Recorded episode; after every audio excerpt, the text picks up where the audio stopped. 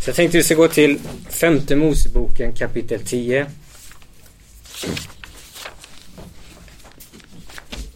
Så ska jag läsa lite olika, jag ska läsa tre olika bibelverser här inledningsvis som handlar om exakt samma sak med lite olika formuleringar. Femte Moseboken kapitel 10. Så står det så här i vers, nu ska vi säga det är så liten text i den här bibeln. Vers 16 för det. Vers 16. Skär därför bort era hjärtans förhud och var inte så motspänstiga. Så här talar det om att man ska skära bort sitt hjärtas förhud. Sen har vi Jeremia kapitel 4, vers 4. Står det så här. Omskär er för Herren, skär bort era hjärtans förhud. Ni, juda, ni Judas män och Jerusalems befolkning, annars bryter min vrede ut och brinner som en eld för era onda gärningars skull. Den kan ingen släcka. Och sen har vi Hesekiel kapitel 18, vers 31. Hesekiel 18, 31. Gör av med era överträdelser som ni har gjort er skyldiga till. Skaffa er ett nytt hjärta och en ny ande. Varför skulle ni dö, israeliter? Så här ser vi att det är ett väldigt fokus på att skaffa sig ett nytt hjärta eller omskära sitt hjärta. Vad var det som var problemet med israeliterna? Jo, de var, de var, de var födda in i Guds förbund. De hade en yttre omskärelse som de gjorde när de var åtta dagar gamla. Som alla israeliter skulle genomgå. Och de var födda in i, in i Israel och de var födda in un, un, under den här religionen så att säga. Men ändå så var de hela tiden, de, de var olydiga mot Gud. De, de följde liksom inte hans lagar. De följde inte hans vägar. Och, och, och Gud han säger till dem att ni måste omskära era hjärtan. Det är inte de här yttre tingen utan det är hjärtat som måste omskäras. Det är det som behöver göras. Och jag tänker själv på liksom när, när jag växte upp i, i ett kristet hem så här med, med, med mina min pappa kom från hippierörelsen på 70-talet och min mamma var pingstvän. Och, och, och så när man växte upp i den här miljön så blir liksom kristendom, det, kanske, det blir liksom bara någonting som man lägger på sig. Det blir någonting yttre för att man har vuxit upp i det. Och så, så växer man upp precis som israeliterna, så växer man upp i någonting och det är liksom, man hör liksom, ja, du ska inte göra så, inte göra så. Och, och många av de här sakerna är ju helt korrekt. För Bibeln säger att vi ska kanske inte göra si eller så. Det finns ju olika eh, saker som Bibeln vet vi ska följa. Men vad som händer är att då liksom kanske man börjar följa de här sakerna, det här yttre. Men man har inte omskärelsen i hjärtat. Så då blir det liksom bara någon yttre religion. Och vi ser det liksom, vi ser det överallt. Det pågår mycket i vårt land. Det kallas ofta för nominell kristendom. Att det är liksom någonting yttre. Man kanske går till kyrkan, man kanske tänder rökelser. Nu ska man inte syssla med sådana saker. Man kanske håller på med sina Maria-statyer. Eller så kanske man till och med är en levande församling där man inte har sådana saker. Man kanske liksom sjunger sångerna på söndagar, eh, läser sin bibel och, och, och, och, så lägger man på sig ett beteende, man kanske, vissa kläder, eh, vissa saker som, som man tar efter liksom. Men så har man inte ett omskuret hjärta. Och, och, och vad som händer då är att, att då kommer man upptäcka att man hela tiden att man kommer liksom leva under en form av, av desperation för man kommer känna liksom, men jag, jag, jag klarar inte att leva av det här kristna livet. Det är liksom, det är bara liksom, det blir som någonting tungt, det blir någonting yttre. Men det är ingenting som kommer ifrån hjärtat.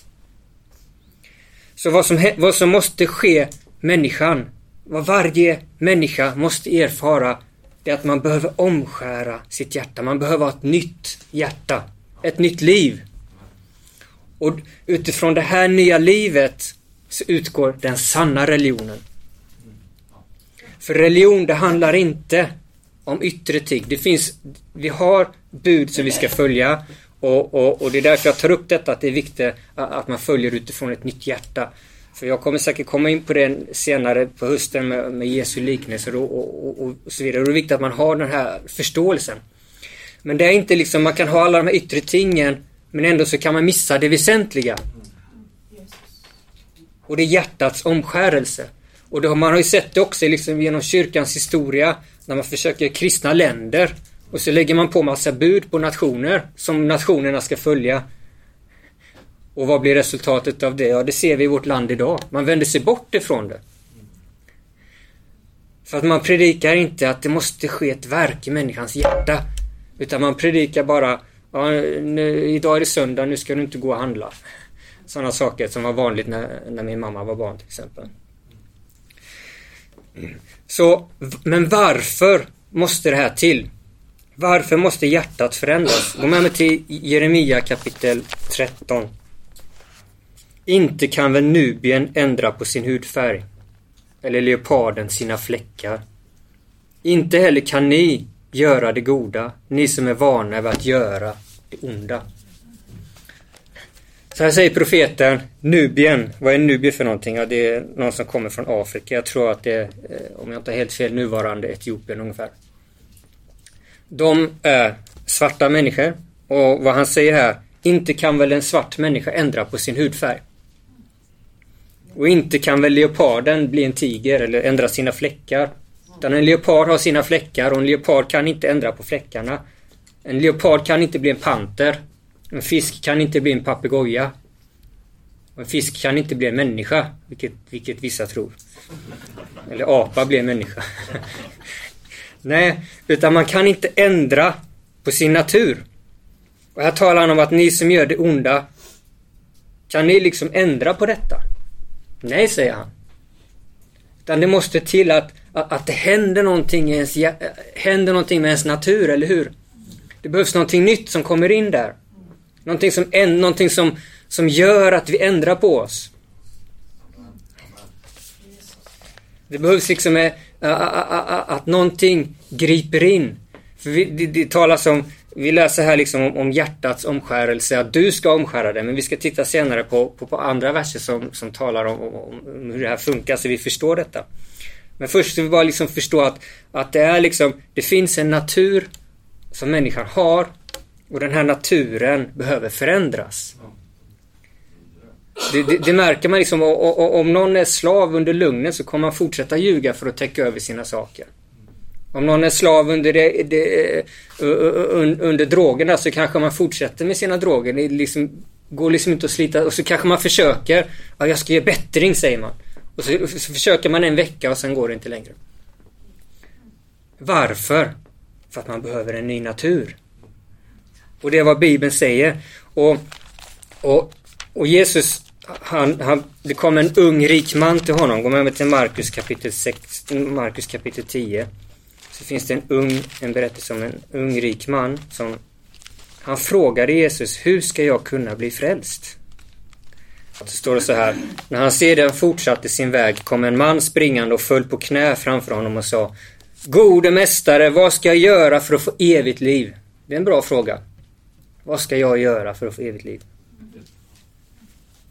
Och jag tror inte Jesus ljuger. En del menar att Jesus bara liksom ljög nu bara för att visa honom. Men jag tror Jesus talar sanning, men det är viktigt att se här vad som händer i historien.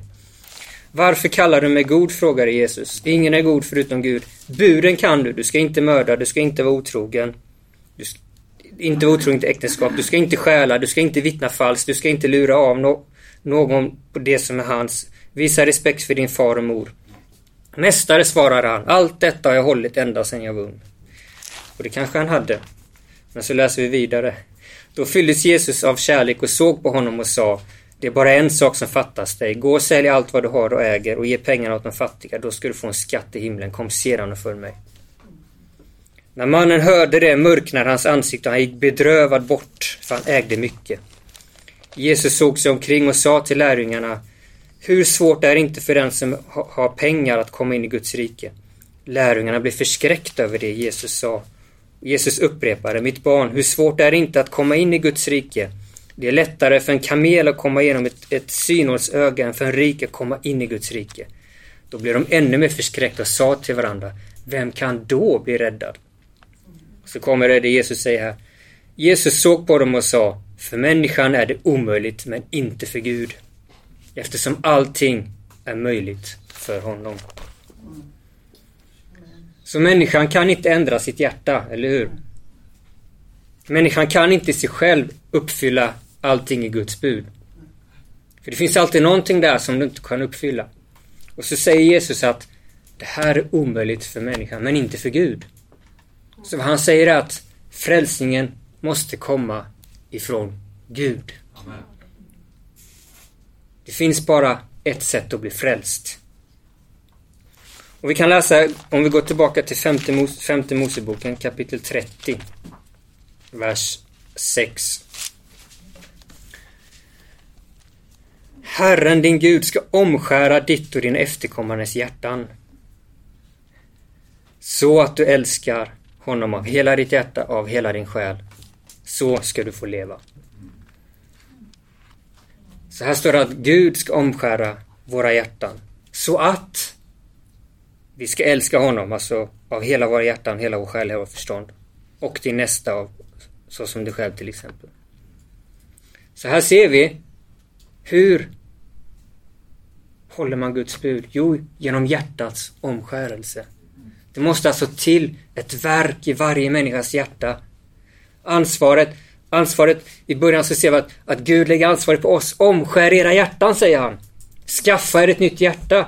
Vad menar han? Ska vi ta en kniv och liksom skära om så här eller ska vi liksom eh, åka in på operationsbordet och liksom få göra en hjärttransplantation? Nej, det är inte det han menar. Han menar att hos Gud finns det här nya hjärtat. Det är så vi skaffar oss ett nytt hjärta. Vi kommer till Jesus Kristus. Som har utgivit sig själv på ett kors för våra synder. Och så uppstod han på tredje dagen. För att vi en dag ska uppstå med honom. Så det är inte svårare än så. Det är bara att ta emot och, och, och tro. Jag, jag, jag, minns, jag minns, det här var liksom när jag var ung, jag var, det här var 4 juni år 1999. Jag var 16 år gammal. Och jag minns jag hade växt upp under det här religion. Eh, det var levande kristendom hos mina föräldrar. Det var inget, inget snack om den saken. Men jag hade liksom växt upp i den här miljön. Och, och, och, och jag hade liksom... Jag var så liksom desperat för att jag lyckades inte. Jag, hela tiden jag bara gjorde massa dumma grejer. Och jag kom till Gud och jag gav upp. Och sa Jesus, jag behöver din... Jag, jag behöver hjälp, sa jag. Jag lyssnade på så här väckelseförkunnelse som, som, var van, som fanns på den tiden. Eh, eh, och man blev överbevisad om synden och domen och jag var helt förskräckt och, och hjälp mig, jag liksom var helt, liksom, helt nere. Och, och så låg jag där en kväll eh, i min säng. Jag vet inte vad klockan var, det memorerar jag inte. Men det var sent på natten. Och så låg jag där och så bad jag Jesus, hjälp mig! Och så hände det någonting. Det var bokstavligen som att det var en kniv som kom och opererade hjärtat. Omskärelse. Jag kände det bokstavligen hur det bara skar till i hjärtat och det liksom... Pff, jag gick sönder och jag bara grät som en bebis. Och jag grät i tre dagar. För det hände någonting. Det var en omskärelse ifrån ovan. Som inte jag själv kan åstadkomma. Men som Gud säger att det här ska du skaffa dig. Omskär era hjärtan. Skaffa er ett nytt hjärta, säger Bibeln. Och det var ingen som sa till mig att det var, äh, det var ingen som undervisade mig om detta. Utan det bara liksom, det var desperation liksom. Jag kastade mig på Gud. Hjälp mig, fräls mig. Och så kom han och mötte mig där i min säng. Och så var det ett helt nytt liv. Det var som förvandling. Det var liksom, då kom saker naturligt för mig. Saker som jag tidigare kunde göra, kunde jag inte göra längre. Och saker övergav man som man tidigare hade liksom haft i sitt liv. Det bara for ut och det försvann. För att det hade skett någonting. Och det är till för alla människor. Jesus kan göra det med varje människa. Och du kanske är här idag, han kan göra det med dig idag. Om du vill. Sen då? Sen kommer den kristna vandringen. Och då behöver man ju bevara sitt hjärta också.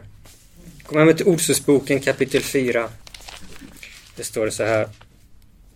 Jag, har, jag, har, jag använder nu Bibeln så att det är lite annorlunda. Eh, Ordsordsboken 4 och vers 23. Så att det står lite annorlunda. Att du vakar över ditt innersta är viktigare än något annat. och därifrån utgår livet. Jag växte alltid upp när jag memorerade den här versen så står det att framförallt så ska du bevara ditt hjärta för därifrån utgår livet. Så nu har Jesus givit oss det här nya hjärtat, eller hur? Förvandlat våra liv. Sen behöver vi också bevara det här hjärtat. För det, det är så lätt att det, att det här hjärtat, att, att det blir hårt.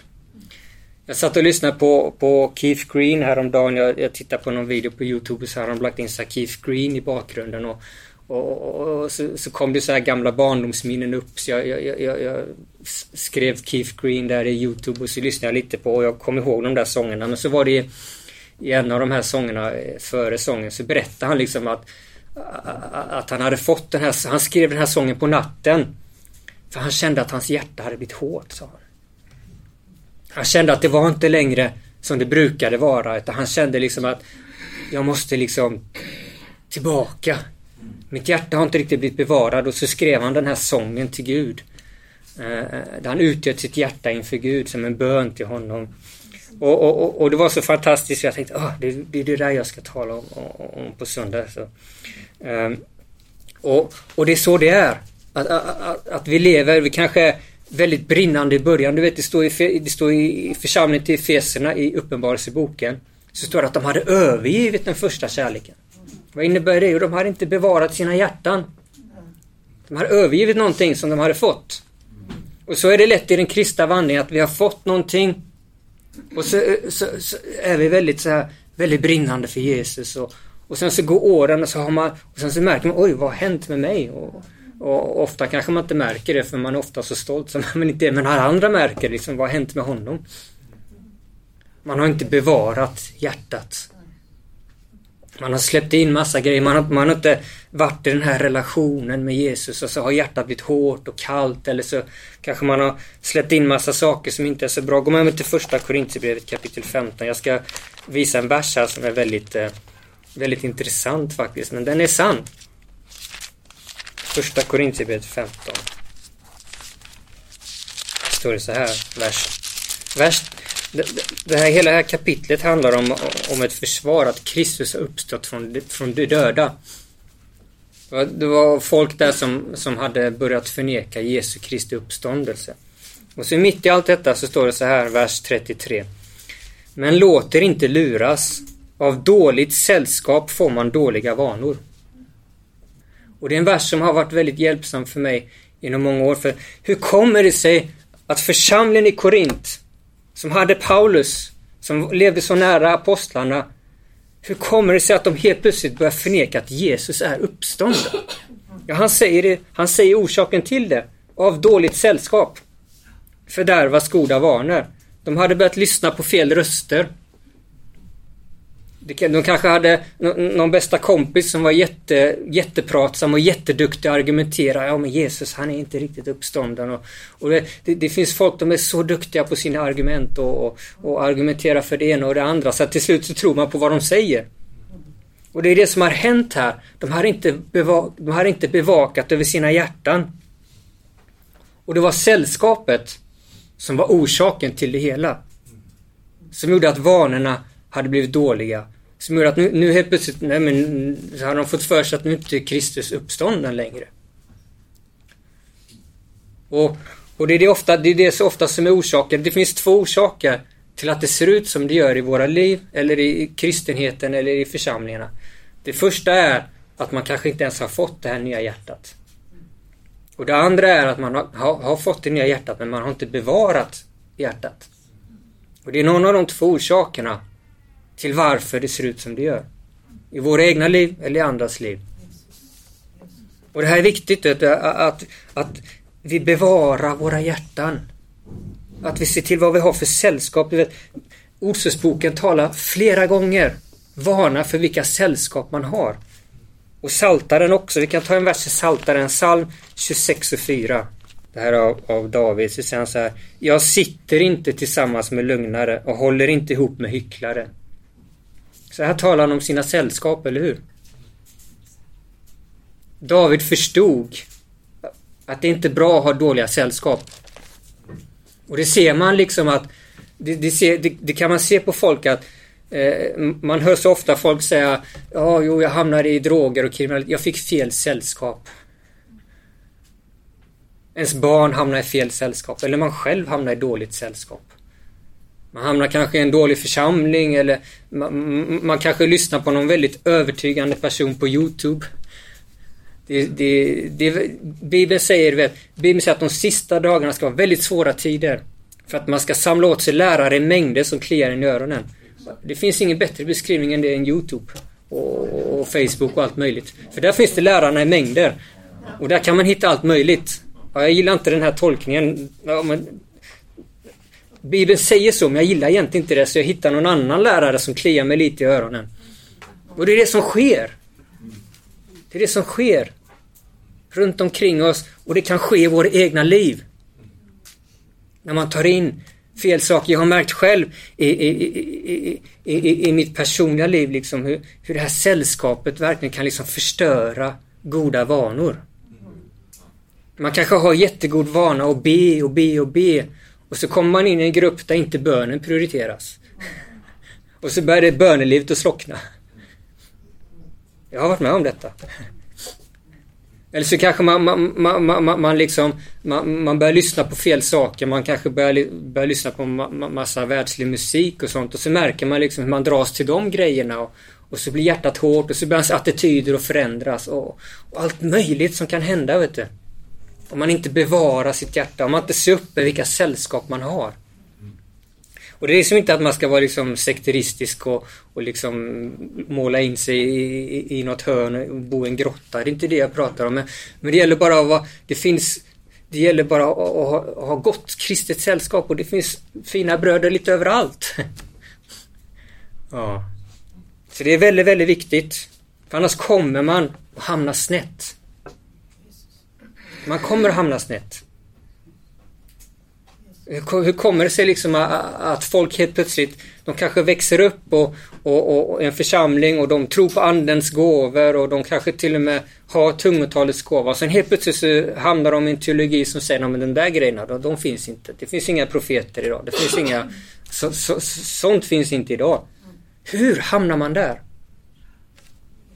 Dåliga sällskapet. Man kanske har någon vän eller man kanske lyssnar på någon på Youtube som övertalar en om de där sakerna. Jag vet, jag vet vad jag pratar om. jag, jag, läste på, på en teologisk utbildning som jag lärde mig de här dumheterna. Nå, det, finns inga profeter idag. Det, det, det där har upphört. Och, och jag satt ju där och jag tänkte... Ja, jag började, jag var nära att nästan helt svälja det alltså.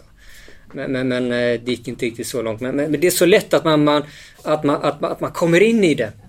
Och så, ja men den där predikanten, han var ju använd av Gud och han trodde ju så. Och så är man inne i det liksom. Och det är det Bibeln varnar för. Dåligt sällskap fördärvar goda vanor.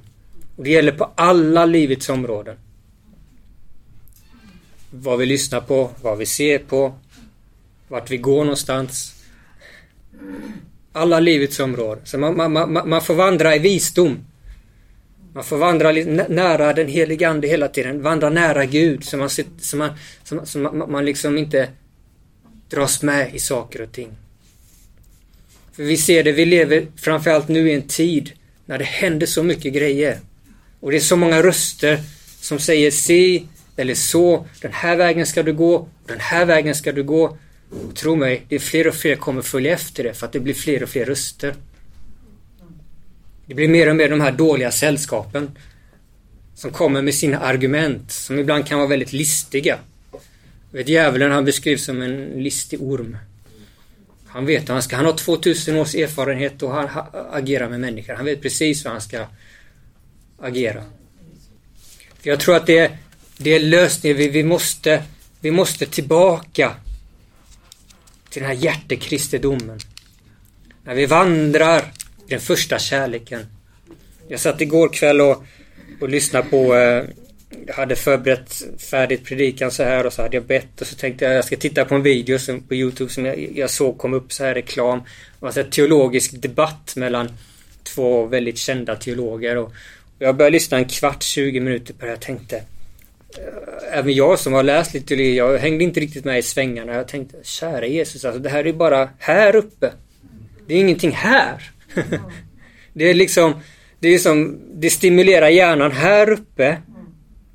Men det, men det, det, är inte, det är inte här uppe sakerna ska till, utan det är hit sakerna ska, eller hur? Det måste ner i våra hjärtan. Så att det leder till någonting. Så att det leder till en förändring i oss och hos andra människor. Men vi går inte ut och, och predikar evangelium bara för att Bibeln säger det. Bibeln säger att vi ska göra det. Men vi, säger, vi gör det också för att det finns i hjärtat, eller hur? Paulus säger det själv att det är Kristi kärlek som driver mig. Det var det som drev honom. Det var hjärtat som drev honom. Det var inte bara Jesu befallning. Jesu befallning gäller att vi ska gå ut och göra lärjungar bland alla folk. Det är Jesu befallning som han gett till församlingen, eller hur? Men det måste ske av hjärtat. Det är där det kommer. För om vi inte har något hjärta när vi går ut, då gör det ju ingen effekt alls. Gud kan säkert frälsa en och annan här, men, men, men det måste, hjärtat måste vara med, eller hur? Vi måste ha förvandlade hjärtan som brinner för Jesus. Och så måste vi bevara våra hjärtan och leva i det bevarade hjärtat. Och hur bevarar man hjärtat då? Om man lever nära Jesus, eller hur? Framförallt en, en sak som jag har lärt mig genom åren som, som har hjälpt mig väldigt mycket. Det var ödmjuk inför Jesus. Det kan vara bra att vara inför människor också. Att omedelbart när vi får ljus om någonting så kommer man till Gud och säger Ja Gud, det där stämmer om mig. Hjälp mig. Att man inte börjar göra som Adam och skylla ifrån sig. Ja men det är den och den omständigheten. Eller eh, det var den personen där som... Eh, ja, Adam han är ju sån du vet. Och, och, och det kan ju finnas kvar hos oss alla. ja. och, och, och det är väldigt viktigt. Att vi lever så inför Jesus ödmjuka inför honom. Att när vi konfronteras med ordet, att vi tar emot det som står. Att vi inte skjuter ifrån oss. Och, och gör massa undanflykter. För då kommer vi inte, då kommer våra hjärtan bli hårda ganska snabbt. Och det gäller att vara lyhörd och ödmjuka sig och böja sig inför det han säger. För det är då vi växer. Och då vi kommer se frukt i våra liv. Amen.